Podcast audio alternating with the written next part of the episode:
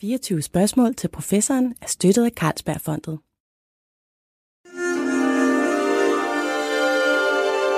Du lytter til Weekendavisen. Her kommer 24 spørgsmål til professoren med Lone Frank. Når vi kigger ud i universet, så er der jo mørkt derude. Det ligner umiddelbart bare en stor tomhed med små lysende prikker, som er uendelig langt fra hinanden. Men det er et bedrag, fordi der er meget mere i mørket, end det vi kan se.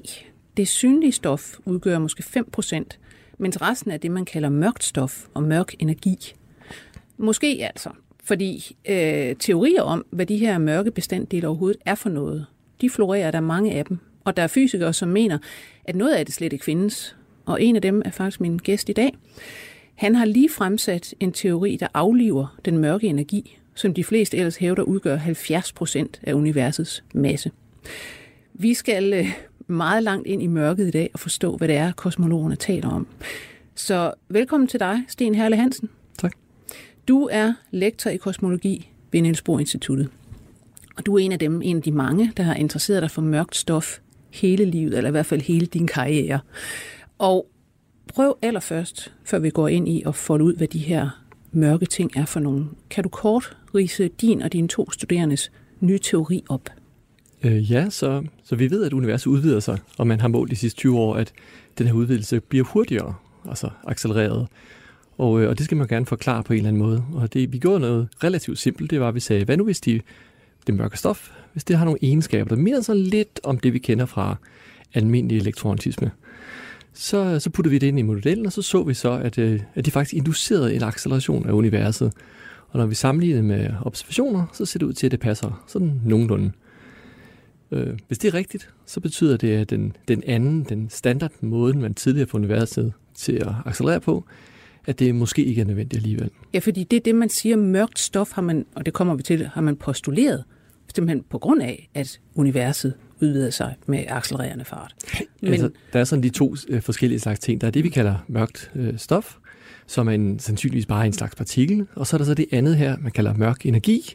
Det er også uheldigt, at man bruger mm. mørk om begge to, men med den her form for energi, man har postuleret mm. for at få universet til at accelerere korrekt. Ja, godt. Jamen, så går vi baglæns øh, og skal simpelthen have styr på det her mørke.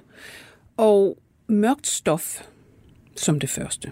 Hvor er det, at man øh, overhovedet får idéer om det, og, og hvad er det, man finder? Altså, det går jo øh, langt tilbage i, det 19, i 1900-tallet. Ja, det går langt tilbage, og man har også øh, postuleret øh, andre universer for mange hundrede år siden, men altså, øh, hvis man kigger på det med dagens øjne og læser tilbage, så kan man se de papers, der bliver skrevet omkring øh, 1930. De er faktisk øh, meget klare. Og, øh, og, og hvis man kun læser de papers uden at tænke på den sociologi og den øh, historiske udvikling, der har været, så, så skriger det i øjnene, at det er jo klart, at man havde målt det fuldstændig entydigt omkring 1930. Der var folk, der var en svensker, der var en hollænder, der var en svejser. Der var en række mennesker, der målte på forskellige systemer, og de så, at øh, der mangler noget. Og de kaldte det faktisk mørk stof. Så hvis man kigger på det med i dags briller, så vil man sige, at men de havde målt det, men det blev bare ikke accepteret. Men 30'erne, siger du. Altså, hvad er det, man, man går ud og måler på, og hvordan finder man på, at der må være noget, som vi ikke kan se? Ja, hvis du nu kigger for eksempel på månen, månen den flyver rundt om, om jorden, den holder mm. fast, fordi jorden holder fast i den. Øh, faktisk kan man bare måle på månen, og så kan man se, hvor hurtigt bevæger, bevæger månen sig. Og udelukkende fra, hvor hurtigt månen bevæger sig, ved vi, hvad jorden vejer. Så, så hvis nu vi havde målt månen og opdaget, at den, den bevægede sig 10 gange så hurtigt, så måtte jorden altså veje meget, meget mere. Mm. Øh, og det man så har gjort, øh, altså helt tilbage i 30'erne, det var, at man målte på stjerners bevægelser. Og stjerner, de bevæger sig lidt rundt, som nogle af dem bevæger sig som en, i nogle cirkelbaner, ligesom en spiralgalakse, og nogle bevæger sig lidt som en flok bier. Øh, og hvis der kun var de her bier til ligesom at holde på hinanden, så burde stjernerne bevæge sig lige så langsomt, lad os sige med 10 km per sekund. Mm. Og det man målte, det var, at de bevægede sig måske med 50 km per sekund. Så der må altså være noget andet, og man kaldte det faktisk helt tilbage der også i 30'erne, man kaldte det mørk stof. Ja.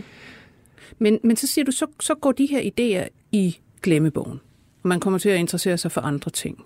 Hvad ved jeg? Hvornår kommer det op igen? Med det altså det, det, hvis man kigger på det sådan historisk, har det faktisk været der hele tiden. Der er hele tiden der er folk, der har kigget på det. Men man har generelt troet, at ah, det her det er nok bare nogle, et eller andet udslugte, eller en eller anden gas. Måske er det en kold gas, eller måske er der klumper af gas, eller måske er det små sorte huller. Så det, der sker op igen historien, og altså især op til 70'erne, dem udvikler nye øh, observationelle teknikker til at se, at øh, nå, det var ikke koldt gas. Og så måler man lidt på røntgenstråling, så siger man, nå, det var ikke det varme gas. Okay, kunne det være små sorte huller? Nej, det kunne det heller ikke, fordi mm. så skulle man se nogle linseeffekter. Og stille og roligt fjerner man så alle de her øh, andre muligheder. Og så sidder man faktisk tilbage med relativt få muligheder. Og der sker så det cirka i 70'erne, at man begynder at måle for eksempel på øh, sådan nogle roterende galakser ligesom vores. Og man ser øh, med forskellige observationer, enten hvis man kigger på stjernerne, bevægelse, eller hvis man kigger på den kolde gas mm. bevægelse, så ser man faktisk det samme fænomen, at der mangler noget. Altså der er noget stof, der er noget masse, ja, der, må mangle, masse, fordi ellers så kan man ikke... I det, ja. Lige præcis. Altså det, men det er jo så, så bygger man jo så også på, på tyngdekraften, går jeg ud fra. Korrekt. Altså man bygger på, at det her må, der må mangle noget, hvis tyngdekraften virker som Newton sagde gjorde. Det, det er fuldstændig rigtigt. Og, og det var også mange, der tidligt tænkte, at ah, det kunne godt være, at det bare var Newton, der havde misforstået et eller andet her, eller den generelle relativitetsteori, som Einstein kom med der, det er jo faktisk bare en generalisering af Newtons lov, så, så det kunne være, at der bare var noget galt der. Og der kom faktisk nogle øh, altså, relativt berømte øh, idéer frem i midt-80'erne, ja. hvor de sagde, Nå, hvad nu hvis det var Newtons lov, der var helt galt på den? Ja, den virkede fint i øh, små øh, afstande som solsystemet, men når vi kommer ud på store afstande, så kan det være, at der er noget andet, der virker. Øh, og det har været en stærk teori, altså siden der midt-80'erne, helt op til omkring øh, 2006, hvor man første gang måler på øh, to øh, store klumper af mange mm. galakser, der okay. smadrer sammen. Og det man så ser, det er sådan et, et meget, meget heldigt snapshot. Ja. Og det er et meget heldigt snapshot, der er blevet taget lige på det tidspunkt, fordi hvis man havde ventet en milliard år, så ville, så ville det have været set helt anderledes ud. Men altså, og det man ser i det snapshot, det er, at det der, hvor der er tyngdekraft, altså der er noget, der trækker, det er et andet sted, end der, hvor de partikler, vi kender, de ligger. Mm-hmm. Så det vil sige, med den ene observation, og i dag har vi selvfølgelig lavet mange af den slags, ja. der er det simpelthen afvist. Det kan ikke være fordi, at Newtons tyngdelov er bare misforstået. Så i dag kan man godt sige, der er, der er næsten alle fysikere vil mene, at evidensen peger på, at der er noget mørkt stof. Ja, der er mørkt stof, og, og i dag har vi selvfølgelig kommet videre end 2006. Og der er faktisk også en hel del målinger, der begynder at give os information om egenskaberne ved ja, det fordi det er jo simpelthen det næste spørgsmål. Hvad er mørkt stof? Så hvordan er det, hvad skal man sige, er det, findes det i partikelform? Hvordan ser de partikler ud? Er det måske noget, der ikke er partikler? Hvad, hvad, hvad har man af, af idéer om det? Altså det er jo også noget, der har udviklet sig. Altså kosmologi har eksisteret i mange år, partikelfysik har eksisteret i mange år, men det er to øh, forskellige verdener. De har ikke rigtig koblet indtil mm, det koblet i Rusland omkring 1970'erne, og det mm. koblet i USA omkring 1980'erne, og derefter er der så kommet det nye felt, der hedder øh, astropartikelfysik, hvor man begynder at sige, okay, de observationer, vi har i øh, kosmologien, det skal vi fortolke og forklare med partikelfysikken. Og efter det er sket, der har, der har det eksploderet med mulige forklaringer på, hvad er det for noget, det her manglende stof derude. Og partikelfysikerne er jo intelligente, øh, og de er kommet med en million forskellige øh, forklaringsmuligheder. Men altså, jeg synes egentlig, nu du nævner det her med de her to verdener, som har kørt meget, hvad skal man sige, parallelt og ikke rigtig har interageret. Altså kosmologerne, der interesserer sig for universet, verdensrummet, stoffernes tilblivelse derude, Big Bang, og så partikelfysikerne, som vil egentlig altså, øh, roder meget med forståelse af den, den atomare og subatomare verden. At de har simpelthen øh, hvad skal man sige, glemt her indtil for nylig at, at kombinere øh, kræfterne. Men du siger også, at, at i Rusland skete der noget omkring 70'erne med det her. Det er jo egentlig sjovt, øh, at den russiske fysik havde det faktisk ret godt, siger du der på et tidspunkt. Ja, de var, det, var, det var en meget skarp, meget hård skole. De er mm. virkelig uddannet nogle ekstremt dygtige mennesker. Og der var så, altså en af mine store helte hedder Seldovic, øh, og han skabte en gruppe omkring sig. Han, han var exceptionelt dygtig. Han arbejdede om, altså, inden for alle mulige felter, om det er flyddynamik, eller om det er primordiale sorte huller, eller om det er tidlig kosmologi, udvikling. Han, han lavede det hele. Øh, og han havde en gruppe omkring sig af partikelfysikere og astronomer og forskellige ting. Mm. Øh, faktisk så min øh, egen øh, vejleder, han var en, en del af den lille øh, hårde kerne omkring Selovitz, så jeg er selvfølgelig også lidt farvet i, i min holdning til det. Men de udviklede det, som i dag kalder astropartikelfysik. Mm. Og nogle af de ting, øh, som vi måler i universet i dag, de teknikker, vi bruger, blev faktisk udviklet i Seldovits gruppe. Det var interessant. Altså, de, de har haft sådan en eller anden golden age, der omkring, altså i 70'erne. Og så kommer selvfølgelig stagnationen i 80'erne og 90'erne, hvor det nye Rusland, altså Sovjet falder fra hinanden, Rusland øh, stander i våde, og, og så går det egentlig nedad. Ja, nogle af de bedste russere, eller mange af de bedste russere, de tog bare job i udlandet på mm. det tidspunkt, og, og selvfølgelig har det skabt øh, ja. altså stærke systemer andre steder, ja. men, øh, men de forblev ikke i deres hjemland. Mm. Men interessant med det her med, med øh, astropartikelfysikken, og lad os, lad os kigge noget mere på, hvad, hvad der så er af hvad skal man sige, de bedste idéer til, hvad, hvad mørk stof kan være. Nu lagde jeg mærke til, at du sagde her primordiale sorte huller. Og det er jo sådan, øh, går ud fra en idé eller teori, man har om, at det er sådan, det, det mørke stof ikke er partikler som sådan, men sådan, ja, primordiale sorte huller. Hvad, hvad skal man forstå det som? Er det sådan noget flydende plasmaagtigt et eller andet?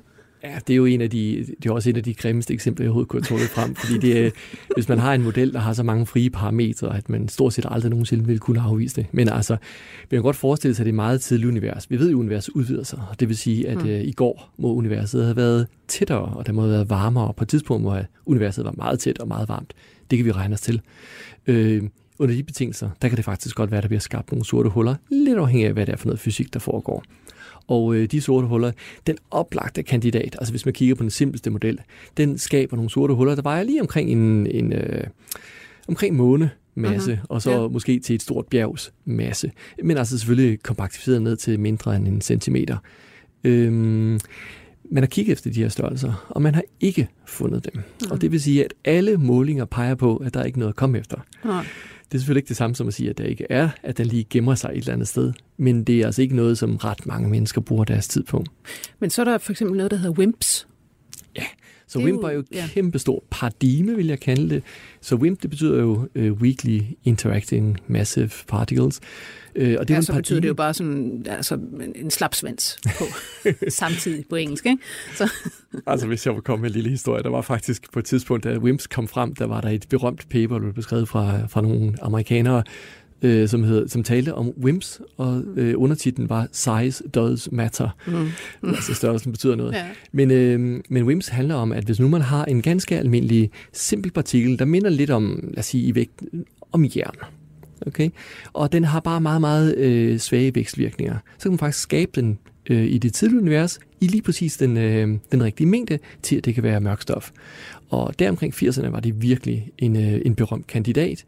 Øh, jeg kan huske på et tidspunkt, der kom en, en, en stor professor fra USA til, til Danmark. Han var her i lige omkring to, lige før 2000. Mm. Og han slog armen ud og sagde, nu, nu ved vi, hvad det mørke stof er, og vi har alle de her eksperimenter stillet på linjer, der skal måle det, og jeg garanterer, at jeg vil ved med, at inden for 5 eller måske 10 år, så har vi målt, hvad det er. Ja, Men det... han tog fejl. Ja, ja. Hvor, hvor prøver man egentlig at måle? Det er vel øh, store acceleratorer, man går til, altså for at kunne få lavet de her partikler på en eller anden måde. Der er mange forskellige måder at måle ja. på. Selvfølgelig prøver man på for eksempel på CERN, om, om når Som er man... de her store, øh, den her store accelerator i øh, Schweiz. Præcis. Så hvis man nu tager to partikler og accelererer dem op til stor fart og støder dem sammen, så, bliver der, så har du et lille område af rummet, hvor der er en masse energi. Og der kan komme alt muligt ud af sådan en lille klump energi. Og nogle gange kunne der måske komme to små øh, mørkstofpartikler ud, så kan man måske måle dem, fordi der mangler noget i detektoren.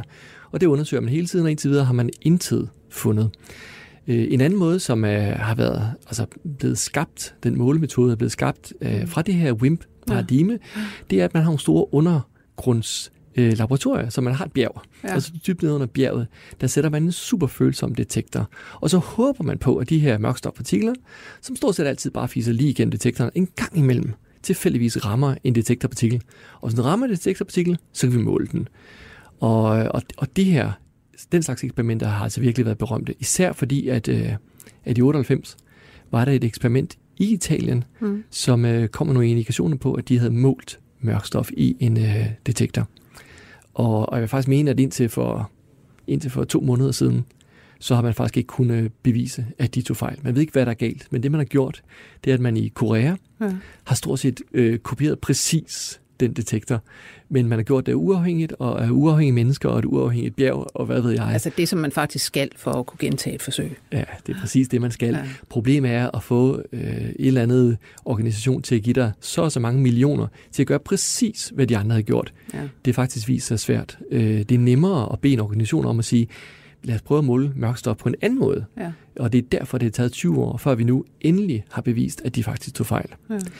Men det man, altså man vil sige, det, hvis man skal ud netop og måle på mørkt stof, så må man på en eller anden måde vælge iblandt de her ret mange teorier om, hvad det er, for at man kan opstille sit forsøg jo. Og, og indstille det på, jamen hvis, hvis det faktisk er, som den her teori siger, så vil vi kunne måle det sådan og sådan. Præcis, og det vil sige, at man, man bliver nødt til at satse lidt. Som fysiker, der har du jo kun 24 timer i døgnet, som de fleste mm. andre, ikke? Øh, og det vil sige... Hvis Men mindre jeg... du bevæger dig med lysets hastighed, eller tæt på lysets hastighed. øhm, så, så, så du er nødt til at vælge, hvilket eksperiment du tror ligesom øh, kunne give dig et signal. For eksempel, øh, da jeg var en ung postdoc, der, der valgte vi at, at sige, satse på, at mm. øh, det, der hedder sterile neutrinoer, ah. er det, der er mørk stof. Og det vil sige, at jeg har faktisk brugt måske 10 år af mit liv på at undersøge øh, muligheden for at måle de her sterile neutrinoer. Ja. Øh, en fantastisk god model, og det, den måde, man skal måle på, er faktisk noget helt, helt anderledes. Men hvad fordi, er de for nogle, ja, vi, sterile neutrinoer? Vi har jo nogle, vi har nogle forskellige partikler i vores øh, mm. almindelige partikelstandardmodel. Og, og tre af dem, det er sådan nogle meget, meget lette og neutrale, og det er derfor, det hedder neutrinoer. Altså, de er ikke elektrisk ladede. De er ikke elektrisk ladede, præcis. Øh, og dem har vi målt i laboratoriet, vi ved, de findes, og alle er glade. Men de vejer noget, og det burde de ikke gøre ifølge standardmodellen. Mm. Og den måde, man normalt giver dem en øh, vægt på, det er, at man siger, at ah, de har nok nogle venner, og fordi deres venner er super fede, så får de lidt af den masse, og så vejer de noget. Fair nok. Men de venner, der er sådan mm. tre sterile neutrinoer, som det må man aldrig rigtig brugt til noget, indtil at, øh, jeg tror det var i 93, at der var nogen, der opdagede, hov, den måde, man producerer de her sterile neutrinoer på et tidligt univers, altså mm. fuldstændig simpel udregning af, hvordan universet udvikler sig, så producerer man præcis den rigtige mængde til, at det skal være, kan være mørk stof. Mm-hmm. Og det er derfor, det har været en spændende model at undersøge. Men det har man så vist, at det, det kan ikke passe. Ja, man har ikke vist det helt endnu. Det, mm. det der sker, det er, at de henfalder. De her. Ja. Når de har levet måske så også mange milliarder år, så henfalder de statistisk set. Så hvis du nu finder en lille klat på himlen, det kan være en lille dværggalakse eller et eller andet spændende objekt, og så kan du kigge med dit røntgenteleskop, og så kan du se, kommer der nogle lyspartikler, mm. som ligger mm, forkert sted ja. fra det her øh, område på himlen. Og det har man altså undersøgt i stor detalje. Og der, hvor man er lige i dag, det er, at man har fundet et signal, som nogle mennesker tror, at ah, vi har målt det mørke stof, og, og jeg og en hel del andre er meget, meget skeptiske. Ja. Hvor mange, nu tænker jeg, øh, i forhold til kosmologer, antallet af kosmologer derude, hvor mange af dem interesserer sig for mørkt stof? Altså det lyder som noget, der tiltrækker mange. Altså det er jo også, at man kan jo argumentere for, at det er relativt vigtigt. Altså mm, hvis, hvis ja. det er rigtigt, som, som alle øh, tal indikerer, der er fem gange så meget mørk stof, som der er almindelige partikler, jamen så er det noget, der, der, der der har en stor, stor effekt på vores øh, eksistens og på universets udvikling. Og derfor er det interessant selvfølgelig, og, og i givet, at vi absolut ikke ved, hvad det er for en partikel, så er det også et, et, øh, et interessant område, fordi der er så meget uvist omkring det. Så, så ja, der er mange tusind mennesker, der beskæftiger sig med det på forskellige måder. Der er mm. nogen, der er dygtige til at skrue en skrue i og lave en detektor, ja. og der er nogen, der er dygtige til at lave nogle, lad os sige, nogle øh, numeriske beregninger af, hvordan for eksempel universets udvikling ser ud, øh, hvis du putter forskellige egenskaber ind i de her mørkstofpartikler. Men ja, nok så interessant er jo det her med, at du siger, at der, der er jo fem gange så meget mørkt stof som synligt stof, som er det, vi alle sammen består af, og det, vi kan se, består af, altså den verden, vi sådan set forholder os til. Hvad kan man forestille sig, det mørke stof så udgør? Altså hvis det bare om man siger, eksisterer derude, vi kan godt nok ikke se det, vi kender ikke øh, partiklen eller hvad det nu, det substans endnu, men kan man forestille sig som øh, Niklas Grønlund Nielsen, som øh, hvad der sidder på SDU, han har skrevet på et tidspunkt, man kan forestille sig, at det mørke stof danner mørke stjerner, planeter og liv, der er helt og dels adskilt fra vores verden. Ja, nej, det kan man ikke. Nå, det ved vi i dag. Så det er noget vrøvl. Ja, det er noget vrøvl. og det, øh, det, det ved vi i dag, og det er simpelthen målinger, øh, der, der fortæller os noget om, hvad er egenskaberne ved det mørke stof. Vi ved, at øh, vores partikler, det vækstvirker med lys, og det gør faktisk, at vi kan skabe sådan noget som for eksempel en spiralgalakse, og vi kan skabe nogle tåger, hvor at, øh, der ligesom er en slags tryk, ligesom når du pumper din cykel, ikke? så ja. der, der er tryk inde i det her, og det gør, at der bliver skabt de her, øh, fra de her store tåger bliver skabt stjerner, og derfra kommer der selvfølgelig liv på en eller anden måde. Det ved vi at det mørke stof ikke kan gøre. Der er simpelthen for, for lidt vækstvirkninger mellem, mellem mm. det mørke stof øh, det mørke stof kommer ikke tæt nok på hinanden til at gøre det. Hvis nu for eksempel vi kigger på det her, øh, at vi, vi lever i en galakse, ja. og vi kan jo se, hvor mange øh, mørkstofpartikler der er øh, tæt ved os. Og antallet af mørkstofpartikler, Øh, det svarer nogenlunde til, at hver kvadratmeter, hver kubikmeter i det her lokale, der er der en cirka. Ja. Og i, i rundtal. Ja. Og, øh, og så kigger på, hvor mange luftmolekyler, så er der måske øh, 10-25 per kubikmeter. Det vil sige, at det er, er meget, meget, meget øh, lidt tæt i forhold til de normale partikler, vi kender. Ja. Men altså, skal vi forestille os, at det egentlig bare ligger derude sådan jævnt fordelt? Ja, så det, der sker i det tidlige univers, det er, at, øh, at øh, mørkstofpartikler har ikke så meget imod at komme tæt ved hinanden. Altså, som jeg siger før, almindelige partikler, de udøver det her tryk. Så almindelige partikler er lidt ligesom øh, nordmænd. De kan ikke lide at være tæt ved hinanden. Altså, de skubber hinanden væk. Du, du finder aldrig et lokale, hvor der er mere end to nordmænd i. Vel? Hvorimod det mørkstof, de har ikke noget problem. Det er ligesom italienere. Hvis der først er en mørkstofpartikel, så er der ja. syv andre rundt om ja. hjørnet. Ikke? Øh, og det vil sige, at det tidlige univers, der er der faktisk mørk stof, der, der ligesom klumper sig sammen til meget store klumper. De er meget større end, end for eksempel vores galakse. Og når vi så har det her store tyngdepotentiale, som det her mørk stof udgør, så er det, de almindelige partikler ligesom regner ned på den her struktur, og så bliver der skabt galakser, som vi kender det. Mm. Faktisk noget, som, som, øh, som de færreste tænker meget over, det er sådan en galakse, som den vi bor i, som sikkert også er medvirkende til, at, at livet ser ud, som det gør lige nu her. Ja. Ikke? En spiral, flad spiralgalakse. Ja. Den er faktisk ikke stabil, uh-huh. hvis den ikke lå inde i en stor klump af mørkstof. Så en stor klump mørkstof, som er næsten sfærisk, den øh, stabiliserer den her øh, roterende spiralgalakse. Så man kan sige, det er virkelig, altså hvis man forestiller sig sådan en, en, en klode, og så ligger vores galakse som, som i virkeligheden, hvis man skar den midt over. Den der skive inde i midten. Lige præcis. Og, og den her, øh, det eneste er så, den her skive af, med stjerner og mm. gas, som vi kalder vores galakse, den er bare meget mindre, også i fysisk øh, altså størrelse, det er måske en tiende del i størrelse ja. af, hvad den her mørk stof, halo kalder man det nogle gange, ja. hvor stor den er. Interessant. Og du har ret, det, det er ikke noget, man lige går og tænker så meget over. men, men det kan være, man kommer til det. Øhm, for at gå fra det mørke stof til den mørke energi, det er jo et, igen et postulat, som, som vi kommer frem til, hvordan du i virkeligheden er ude på at, at aflive, og måske findes det her, øh, den her mørke energi ikke. Og det er jo så ellers den, man går og hævder, mange går og hævder i dag, den udgør 70 procent af universets øh, masse. Hvor kommer den her mørke energi fra? Hvor, hvor kommer postulatet fra? Altså postulatet er gammelt. Det kommer helt tilbage fra, fra Einstein for lige over 100 år siden, hvor at, øh, han skrev nogle linjer ned. Vi kalder Einsteins linje i dag. Mm. Og det er dem, der beskriver vores univers. Dem har vi tjekket ret mange gange, og vi er ret sikre på, at de er rigtige. Og så opdagede han, at øh, man faktisk putte et, lister, et ekstra lille led ind i de her ligninger. Det var tilladt ud for nogle symmetriovervejelser. Og, øh, og af en eller anden grund, så ville Einstein godt have, at, øh, at vi havde et stabilt univers. Et, der ikke rigtig ændrede sig i tiden. Og han kunne også se, hvis han bare smed partikler ind, jamen så trækker de i hinanden, og så vil det hele falde, ligesom falde sammen. Mm. Og så sagde han, at hvis nu jeg puttede den her øh, kosmologiske konstant ind, så kan den ligesom skubbe alting væk fra hinanden, og så kan vi præcis opnå øh, en ligevægt situation. Så skete der det omkring 30, 1930, at man opdagede, at universet udvider sig. Og Einstein altså, var den første, der sagde, okay, hvis, Einstein, hvis universet, eller eftersom universet udvider sig, mm. så væk med den her kosmologiske konstant. Ja. Så den er kommet lidt øh, og gået lidt en gang imellem de, de efterfølgende øh, små 100 år. For det meget sjovt, når du siger det her med, med Einstein, der gerne vil have et stabilt univers. Altså, han, hans diskussioner med Bor var jo også det her med, at han kunne ikke klare det her med usikkerhed, og, at man ikke vidste, du ved, nøjagtigt, man ikke kunne sige, øh, udtale sig om alle egenskaber af, af en partikel på samme tid. Altså, og vi kender alle sammen det her, Gud spiller ikke med terninger. Altså, øh, så han må jo have haft en eller anden, øh, ja, som du siger, en, en fornemmelse af, at, at tingene eller et ønske om, at tingene skulle virkelig være, så man kunne beskrive det hele ordentligt og, og med ligninger og kunne udtale sig om alt. Jeg tror, jeg tror, det gælder det samme inden for mange øh, videnskaber. Det gælder også, selvfølgelig også inden for fysik, hvor for eksempel sådan noget som symmetri er et, mm. ledende princip. Mm. Altså hvis du kan skrive en eller anden form for, hvis du kan postulere en slags øh, symmetri, så er det øh, godt fordi det er nemt at forklare, hvorfor. For eksempel, hvis nu jeg kigger til højre og kigger til venstre, så ser jeg nogenlunde det samme som ja. i gennemsnit ud gennem universet. Ikke?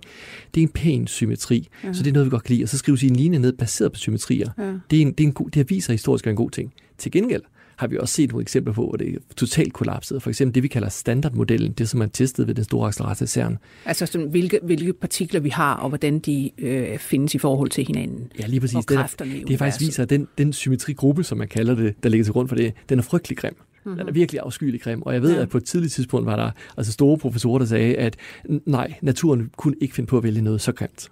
Det er altså ret sjovt. Det, det er jo i virkeligheden, der, her, her får man øh, noget fra den menneskelige evolution i virkeligheden frem. Vi kan godt lide symmetri. Ja, det kan vi. Det er også den måde, vi bedømmer øh, hvad det hedder, skønhed på ofte. Hvor, hvor symmetrisk mennesker er og, og sådan noget. Ikke? Altså, der er simpelthen nogle ting, vi godt kan lide, øh, som så også kommer ud i, hvad det er, vi helst vil have af teorier, hvordan de skal se ud, og hvordan verden skal være fuldstændig enig, og dog så hvis du ser øh, på, på en folks øh, ansigter, så ser du mm. en stor asymmetri i virkeligheden i, i, mm. fra højre til venstre, ja. og hvis du ser nogen, der er fuldstændig symmetrisk ansigter, så stoler du ikke helt på dem, og på samme måde har du det måske med de fysiske teorier.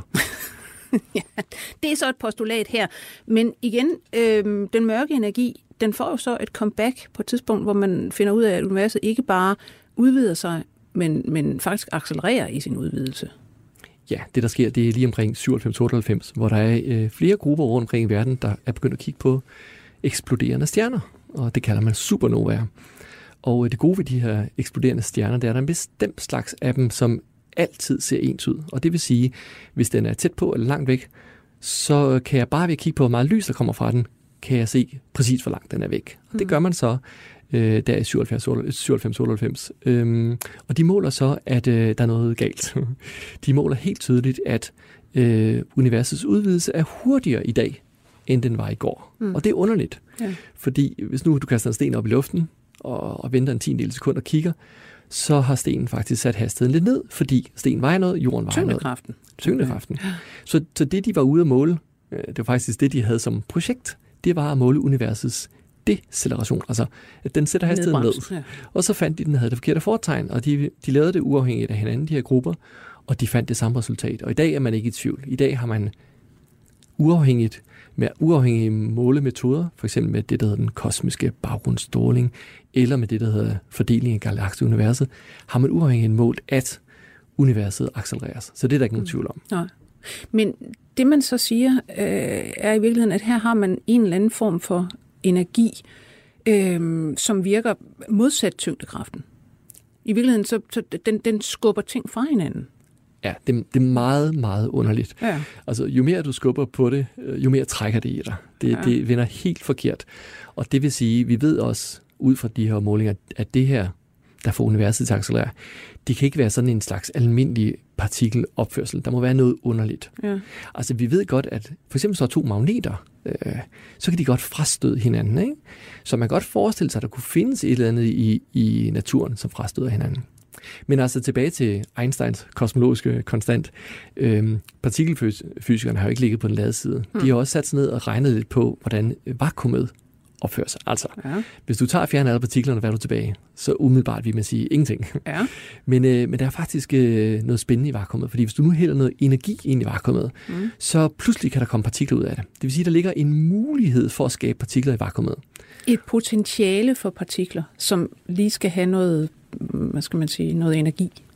Præcis. Så, så, de, og hvis man, så de kan udfældes på en eller anden måde. Lige præcis. Og det her vakuum, det er velkendt, og man har målt det for eksempel som vi nævnte før, når man skaber partikler på CERN, så tester man vores forståelse af vakuumet, og den er faktisk ret god, den forståelse i dag.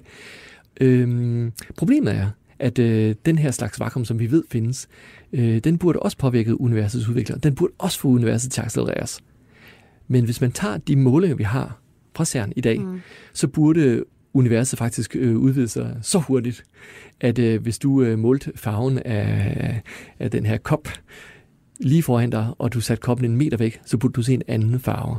Så der er altså et eller andet virkelig galt med ja. vores forståelse af koblingen mellem partikelfysikken her på den ene side, og hvordan det påvirker universets udvikling på den anden side.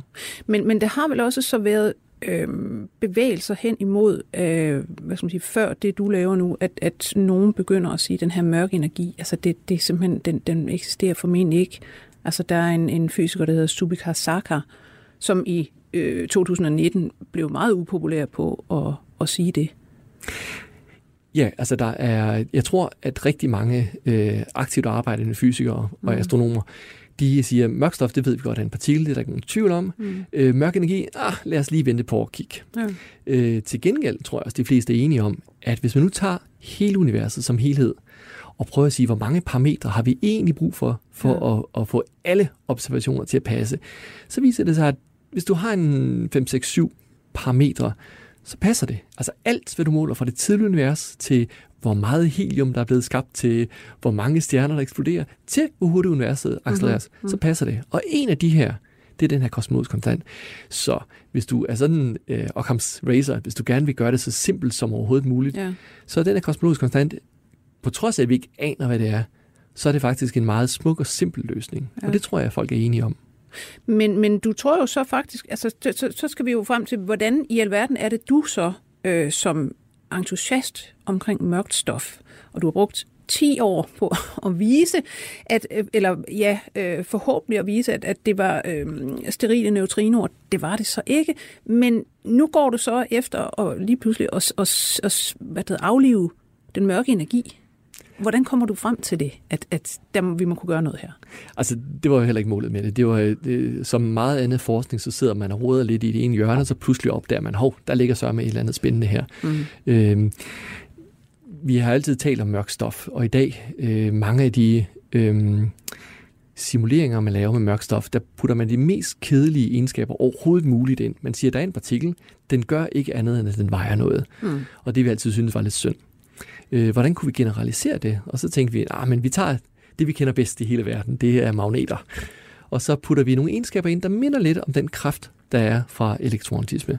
Øh, det er ikke helt det samme, men det minder lidt om, om det. Og så prøver vi bare at køre en øh, numerisk simulering af hele universet. Starter universet i det tidlige dage, hvor vi ved, mm. hvordan det ser ud, fordi det er ja. vi målt. Og det har man selvfølgelig simuleringer af, computersimuleringer af, hvordan tingene kan udvikle sig der. Ja, ja, der, ja. Er, der er dygtige mennesker, der har sat sig ned og brugt 10 års liv til at lave en, en numerisk kode, som man så øh, mm. stort set bare kan, kan låne, ja. og, og så kan man modificere den, som man har lyst. Og så kiggede vi på den, øh, den her modificering af koden, og ser så, at øh, tilfældigvis ser det ud til, at det skaber faktisk et univers, der accelereres. Og, øh, og styrken af den her nye, lad os kalde det kraft, vi putter mm. ind, mm. det er det eneste, der er ukendt. Altså, skulle den være lige så stærk som elektromagnetisme, eller skulle den være en milliardende del, eller hvad ved jeg. Og vi kan se, at hvis vi giver den et tal, så alle de simuleringer, vi kører, det passer nogenlunde med de observationer, vi har i dag. Men hvorfor skulle det her være mere sandsynligt end det, man i øvrigt går og siger? Altså, og hvorfor skulle det her være mere sandsynligt, at det mørke stof har en uforklaret magnetagtig kraft, øh, end at der eksisterer den her kosmologiske konstant, altså den mørke energi? Altså, jeg tror ikke, den ene er mere sandsynlig mm. end den anden. Jeg synes, de, øh, de begge to øh, søgte. Men til gengæld, så, er det, så har vi ikke rigtig øh, nogle gode mm. alternativer. Altså, øh, det er meget der er mange teoretiske forsøg på at komme med nogle modeller, ja. der kan forklare, øh, hvorfor at universet accelereres. Men de er ikke særlig gode, nogen af dem. Øh, den her model, den er trods alt simpel, i den forstand, at den tager nogle, nogle egenskaber, som vi kender mm. fra vores verden, og så kobler vi dem bare over til de mørkstofpartikler. Så vi ved, at de mørkstof er der, og vi kender ikke noget til deres egenskaber, så jeg synes ikke, det er så stort et, et spring at tage. Hvad har du fået af reaktioner fra dine fagfælder? Øh, ret bredt spektrum, vil jeg sige. der er selvfølgelig nogen, der tror, at jeg er skør. Øh, og så er der også en del, der har inviteret mig til at komme og holde øh, foredrag, for, altså tekniske foredrag, for at forklare ja. præcis, hvad er det, der foregår. Ja. Og hvorfor er det den her forståelse, vi havde af universet, den faktisk er tilstrækkeligt fleksibel mm. til at tillade, at man kunne putte sådan en model herind. Øhm, men altså, jeg vil mene, vi er meget, meget tidligt i processen, og det her det er bare en af de mange modeller, der ja. eksisterer. Altså, når vi sidder og snakker om det her med, så tilføjer man øh, en partikel, som man ikke kender, en form for kraft, som man ikke kender, øh, så kunne jeg godt tænke mig i virkeligheden, og øh, hvis vi kan snakke lidt om det her med de kræfter, der er i universet, hvordan vi egentlig skal forstå dem. Altså, fordi nu siger du øh, magnetisme eller en elektromagnetisk aktiv kraft, og vi har også altså, tyngdekraften. hvordan forstår vi egentlig de her kræfter? Hvad, hvad kommer de af? Ja, vi forstår det utroligt dårligt. Altså, øh, lad mig holde mig til elektromagnetismen, som mm. de fleste kender en lille smule til. Altså, vi ved, at vores hjerte slår. Nu har vi jo også lige fejret Ørsted, der, øh, hvad det hedder, kom med elektromagnetisme. Lige præcis. Og hvis man kigger på nogle af de kræfter, der er inden for den, så er det faktisk øh, rengæt. Altså, vi har de der fire linjer, Maxwell's linjer kalder vi dem, som beskriver, hvordan at, øh, at øh, tingene hænger sammen, hvordan lys og ladet partikler de er koblet til hinanden. Men de kræfter, der er mellem to partikler, mm. Øh, det er faktisk øh, stort set rene gæt. Øhm, så det ene, det var måske Coulomb, der kom med den for mange hundrede år siden, og det andet måske Lorentz, der kom med den øh, noget senere. Men fuldstændig realistisk, så er det stort set kvalificeret gæt, mm. de kom med. Og vi er ikke kommet ret meget videre i dag. Så selv øh, i vores verden, som er øh, består af elektroner og protoner og hvad ved jeg, jamen der er det faktisk bare mm, kvalificeret gæt, ja. og ikke ret meget mere. Ja, fordi det er jo, altså, vi har de her fire øh, grundlæggende kræfter i universet. Øh, tyngdekraften, den elektromagnetiske kraft, den svage kernekraft, den stærke kernekraft. Øh, og sådan noget som tyngdekraften. Altså umiddelbart, så er det jo, synes jeg, altså ja, den er observerbar alle steder, og vi, vi lever med den, og, og vi kunne ikke leve uden den, osv. Men hvordan fanden fungerer tyngdekraften? Hvad kommer den af? Altså, det, det tror jeg faktisk ikke rigtig øh, folk ved. Altså Einstein ja. har jo også et andet billede på, hvad tyngdekraft er. Ja. Altså det er jo selvfølgelig noget med, hvordan at, at rumtiden opfører sig. Øhm, kræfterne mellem, mellem de forskellige partikler, øhm, altså hvis du, okay, nu kommer jeg til at, at gå lidt øh, ned i, i den hårde del af det, så hvis du kigger på, ja. på, på at øh, den måde, vi de fleste også tænker på det på, det er, at vi har et øh, rum, øh, der er tre dimensioner, og vi har en tid, der ligesom går derud af. Mm. Men det vi har opdaget, det er, at når vi bevæger os hurtigt, så ændres tingene, som du før nævnede, det der med, hvor hurtigt, øh, hvor, hurtigt en tid tager, øh, afhængig af, hvor hurtigt du bevæger dig. Øhm, det, der og der sker, fat i relativitetsteori. Præcis, så ja. relativitetsteorien, det den gør, det er, at den roder rum og tid sammen. Ja. Hvis nu man tager den her rodet rum og tid sammen, det kalder vi rumtiden, og kigger på nogle af de egenskaber, der er ved rumtiden, mm. så kan man faktisk derfra direkte udlede ting som øh, elektromagnetiske kræfter. Det er faktisk ikke noget, der, der er super øh, velkendt. Det er noget, der faktisk først blev altså sådan, øh, etableret øh, mm-hmm. i 60'erne. Ja. Og de fleste mennesker i dag øh, ved det faktisk heller ikke. Så de sidste 20 år, der har, der har folk arbejdet med det. Men, men inden for det her felt, som hedder øh, rumtidsalgebra, ja. Der kan man rent faktisk udlede nogle af de ting her. Man kan udlede de her kræfter, og man kan se fra første princip, at det er simpelthen egenskaberne ved rumtiden, der gør, at de her kræfter, de opstår. Mm-hmm. nu tror jeg, jeg kom for langt ud af en tangent til, at de fleste folk kunne følge med. Ja, men, men det er i sig selv, synes jeg, værdifuldt at få et indblik i, hvor, altså, hvor mærkeligt det også er at må, måtte arbejde med de her ting. Fordi jeg går ud fra, at vi, vi stiller os jo alle sammen sådan nogle helt fundamentale spørgsmål en gang, men hvordan fanden virker tyngdekraften? Ikke? Altså, hvad, hvad, hvad er elektromagnetisme egentlig? Altså, og hvorfor? Altså, hvad, hvad, hvad kommer det af? Og, og det er jo så lige så øh, hvad skal sige, vanskeligt for, for fysikere at, at forestille sig det her altså på en intuitiv måde. Det lyder som om, at det netop er noget, man bliver nødt til at udlede af forskellige ligninger og forskellige antagelser og dit og dat, så kan man ligesom, okay, her må komme noget ud af det, som er tyngdekraften eller den svage kernekraft, eller hvad det nu kan være. Men, men at forstå det sådan intuitivt er faktisk lidt vanskeligt, ikke? Altså jeg tror, at de dybe spørgsmål, som, som netop det, du tager frem her, det er ting, som, som vi selvfølgelig også tænker meget over, men det er ofte noget, vi sidder og tænker over, når vi sidder med et, et, et en glas whisky eller kaffe, eller hvad ved jeg, ja. øh, til daglig. Langt det meste af vores tid, det er jo simpelthen, øh, altså lad os sige, hårdt, simpelt arbejde, hvor vi, ja, vi skal måle nogle ting, vi skal analysere noget data, vi skal se, passer vores data, hvis det ikke passer, hvad har vi lavet galt i vores målinger, Øhm, og det er så kun en lille brøkdel af vores tid, vi rent faktisk kan, kan tillade os ja. at bruge på de her lad os sige, meget højt flyvende tanker.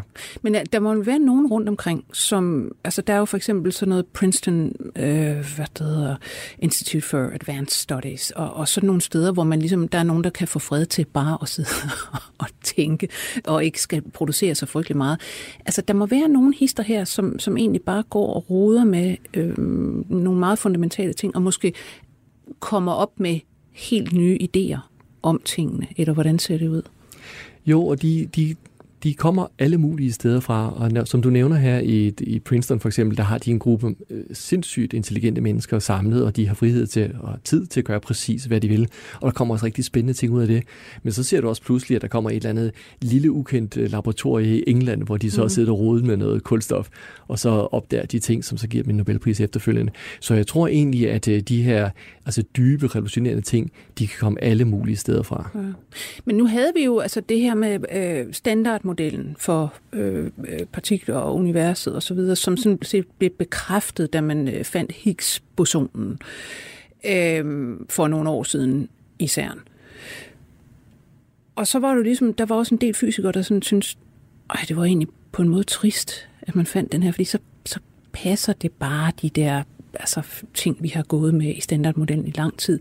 Men, men der er vel stadigvæk altså, muligheder for, at man vil kunne finde ting og sager, der de rokerer om på den, øh, den opfattelse, vi har af verden og universet.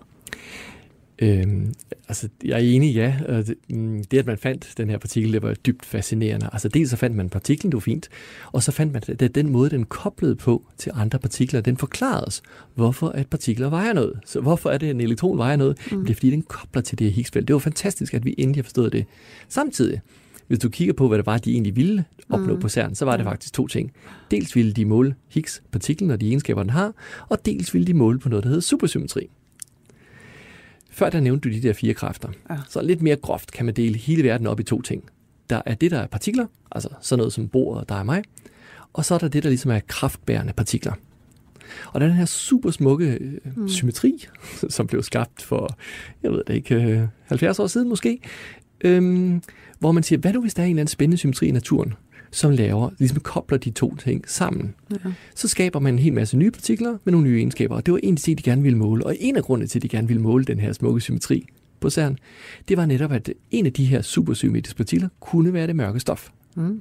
Men noget, der kommer ud af CERN, det er, at nu, mange år efter, at vi har kørt, har de ikke fået en, et eneste indikation på, at der er supersymmetriske partikler. Og det er jo, det er jo godt, fordi det betyder jo, at lad os sige det her for eksempel WIMP-paradigme, som ja. du nævnte tidligere, øh, det er faktisk fejret bordet. Aha. Og pludselig er der, altså nu har vi et, et rent psykopi at arbejde med. Nu er der ikke øh, store begrænsninger på, hvad vi må komme med af, af modeller. Selvfølgelig alt, hvad vi kommer med, skal passe med alle observationer. Det kan være hårdt nok. Men det er ikke sådan, at alle trækker i en retning, som de gjorde tidligere. Så jeg vil nok sige, at det er fantastisk, at de målte Higgsen, men det er også fantastisk, at de ikke målte en supersymmetrisk partikel endnu. Så nu er der virkelig faktisk et, øh, et, et tag selv bord derude, det hedder, hvis man vil forklare mørkt stof altså hvad er det for en partikel, så er der sådan lidt frit slag. Altså nye idéer, værsgo. Det, det er, altså, tag selv på, det er, ja, du kan gøre lige, hvad du vil. Det eneste begrænsning, det er, at det skal passe med alle de observationer, vi har. Og vi har trods alt en hel del observationer efterhånden, så det er faktisk ret vanskeligt at komme med kvalificeret bud på, nye bud på, hvad det mørkstof kan være.